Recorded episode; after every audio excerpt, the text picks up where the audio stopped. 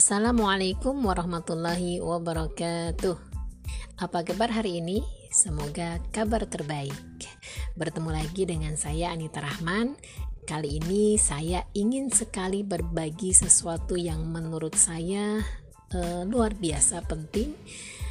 Uh, sesuatu yang sebenarnya kecil ya, remeh, tapi ternyata itu sebuah keutamaan yang luar biasa. Apa itu? Uh, takzim terhadap ilmu dan ahli ilmu.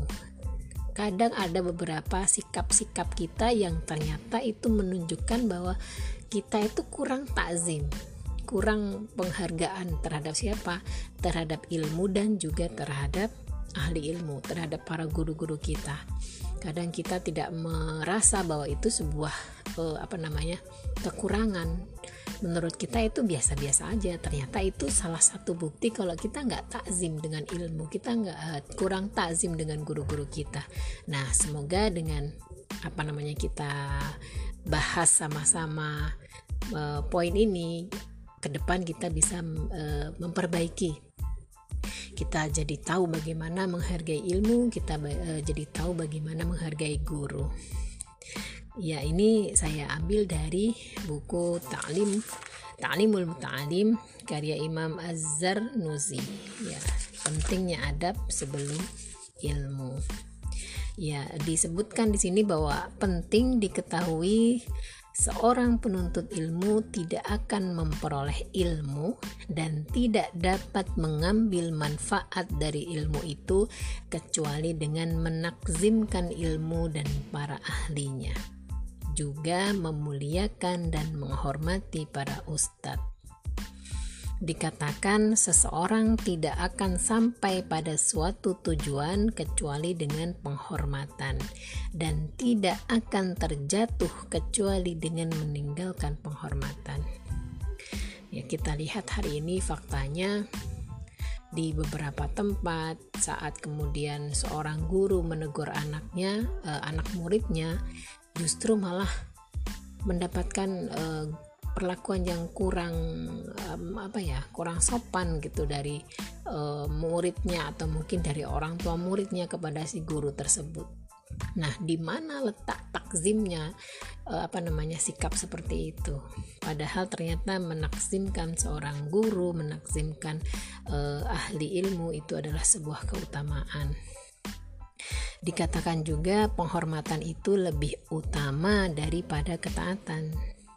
Tidakkah Anda melihat bahwa seseorang tidak kafir hanya dengan kemaksiatan dan dapat kafir dengan meninggalkan penghormatan? Di antara wujud memuliakan ilmu adalah dengan menghormati guru. Ali berkata, "Aku adalah hamba sahaya bagi orang yang mengajariku satu huruf." Nah, satu huruf saja itu sudah membuatnya menjadi merasa sebagai seorang hamba sahaya. Bayangkan berapa huruf yang sudah kita dapatkan dari guru-guru kita, masya Allah. Masih menu, uh, masih yang dikatakan uh, Adi, jika mau ia boleh menjualku dan jika mau ia membebaskanku dalam persoalan ini ada syair yang dilantunkan.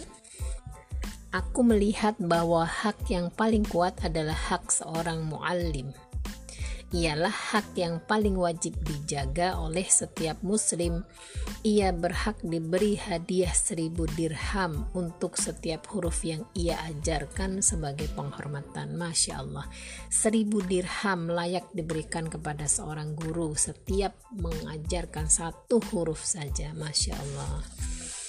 Sesungguhnya orang yang mengajarimu satu huruf yang kamu butuhkan dalam urusan agama, sejatinya ia adalah bapakmu dalam agama.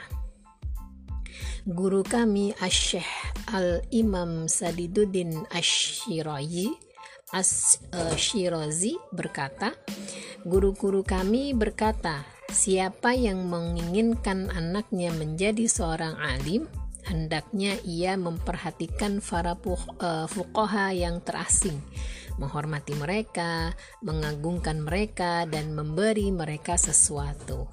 Jika nanti anaknya tidak menjadi seorang alim, maka cucunya lah yang akan menjadi seorang alim. Dan salah satu cara menghormati seorang alim adalah tidak berjalan di depannya, tidak menduduki tempat duduknya, tidak memulai pembicaraan di hadapannya kecuali atas izinnya, tidak banyak berbicara di hadapannya, tidak bertanya tentang sesuatu saat sedang bosan, memperhatikan waktu, dan tidak mengetuk pintunya tetapi sabar menantinya hingga ia keluar. Masya Allah, apakah kita sudah berlaku seperti itu kepada guru-guru kita? Ya, itu e, dijawab sendiri dalam hati dan semoga ke depan bisa memperbaiki untuk bisa lebih takzim kepada guru-guru kita. Karena dari mereka lah jalan ilmu itu sampai kepada kita. Dalam hal ini tentunya adalah ilmu agama, ilmu Islam. Kesimpulannya, seorang penuntut ilmu harus mencari ridho gurunya, menjauhi kemurkaannya, melaksanakan perintahnya selama bukan maksiat. Karena sebagaimana yang kita pahami bersama, tidak ada ketaatan kepada makhluk dalam rangka bermaksiat kepada Al-Khaliq Allah Subhanahu wa taala. Hal tersebut sesuai dengan uh, sabda Rasulullah Shallallahu Alaihi Wasallam Sesungguhnya seburuk-buruk manusia adalah yang membuang agamanya demi mengincar dunia orang lain dan dengan bermaksiat kepada Sang Pencipta. Nah, kita lanjutkan. Di antara bentuk penghormatan kepada seorang guru adalah menghormati anak-anaknya. Jadi tidak hanya sebatas pada guru yang bersangkutan saja, tapi ternyata juga kepada anak-anak e, guru kita dan siapa saja yang memiliki hubungan dengan guru kita. Guru kami Syekhul Islam Burhanuddin, pengarang kitab Al-Hidayah ber, uh, pernah berkata, ada salah seorang imam senior di Bukhara ikut duduk dan uh, dalam satu majelis ya, dalam suatu majelis dan kadang ia berdiri di tengah-tengah pelajaran. Maka orang-orang pun menanyakan hal itu. Kemudian dia menjawab, Sesungguhnya putra guruku sedang bermain bersama anak-anak di jalan dan kadang-kadang ia datang ke pintu masjid. Apabila aku melihatnya, maka aku berdiri sebagai penghormatan untuk guruku. Al-Qadi Imam Fakhruddin Al-Arshabandi ketua para imam di Maru, Sultan pun sangat menghormatinya dengan penghormatan setinggi-tingginya. Ia pernah berkata, "Sesungguhnya aku mendapatkan kedudukan ini dengan melayani guru." Dulu aku melayani guruku Al-Qadi Imam Abu Zaid Ad-Dabusi. Aku menyiapkan makanannya dan tidak memakan darinya sedikit pun. Asyikh Imam yang mulia Syekhul A'immah Al-Halwani pernah keluar dari Bukhara dan tinggal di suatu desa beberapa hari karena suatu kejadian yang menimpanya. Semua muridnya mengunjunginya kecuali Asyikh Al-Imam Al-Qadi Abu Bakar Az-Zaranzari. Maka ia bertanya kepadanya saat bertemu, "Kenapa kamu tidak eh, mengunjungiku?" Ia menjawab, "Saya sibuk melayani ibu." Gurunya berkata, "Kamu dikaruniai, eh, kamu dikaruniai umur dan tidak dikaruniai pelajaran." Dan ternyata benar, karena gurunya itu sebagian besar waktunya ia habiskan di desa dan tidak meluangkan waktu untuk muridnya tadi suatu uh, untuk muridnya tadi suatu pelajaran. Maka jika seorang guru tersakiti oleh muridnya, maka murid terhalang mendapatkan keberkahan ilmu dan ia tidak dapat mengambil manfaat dari ilmu itu kecuali hanya sedikit. Dalam sebuah syair dikatakan Sesungguhnya guru dan dokter itu keduanya tidak akan memberikan nasihat jika tak dihormati. Tahanlah sakitmu jika kamu kasar terhadap dokter dan nikmatilah kebodohanmu jika kamu kasar terhadap gurumu. Masya Allah. Dikisahkan Khalifah Harun al-Rashid pernah mengirim putranya kepada Al-Ashma'i supaya diajari ilmu dan adab.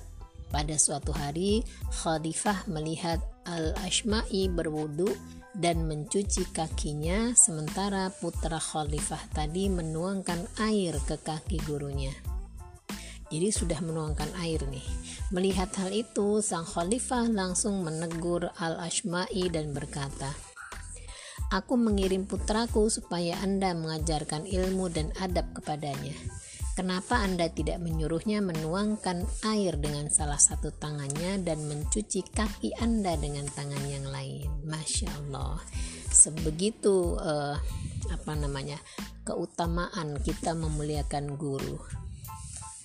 Bahkan uh, layak seandainya kita harus mencuci kaki beliau saat beliau berwudu itu dia uh, adalah uh, sebagian dari bagaimana kita dalam memuliakan guru kita agar apa? Agar berkah ilmu kita. Karena hari ini sering sekali kita mendengar melihat uh, berita bagaimana seorang murid melaporkan guru bahkan seorang murid berani terhadap guru naudzubillah min ya. Semoga kita termasuk murid-murid yang bisa memberikan uh, rasa takzim yang tulus kepada guru kita hingga keberkahan ilmu ilmu itu pun bisa kita rasakan. Mungkin untuk kali ini cukup. Semoga bisa ada kesempatan lagi untuk bisa, uh, berbagi tentang bahasan yang lain mohon maaf lahir batin. Wabillahi, uh, wabillahi taufiq wal hidayah. Wassalamualaikum warahmatullahi wabarakatuh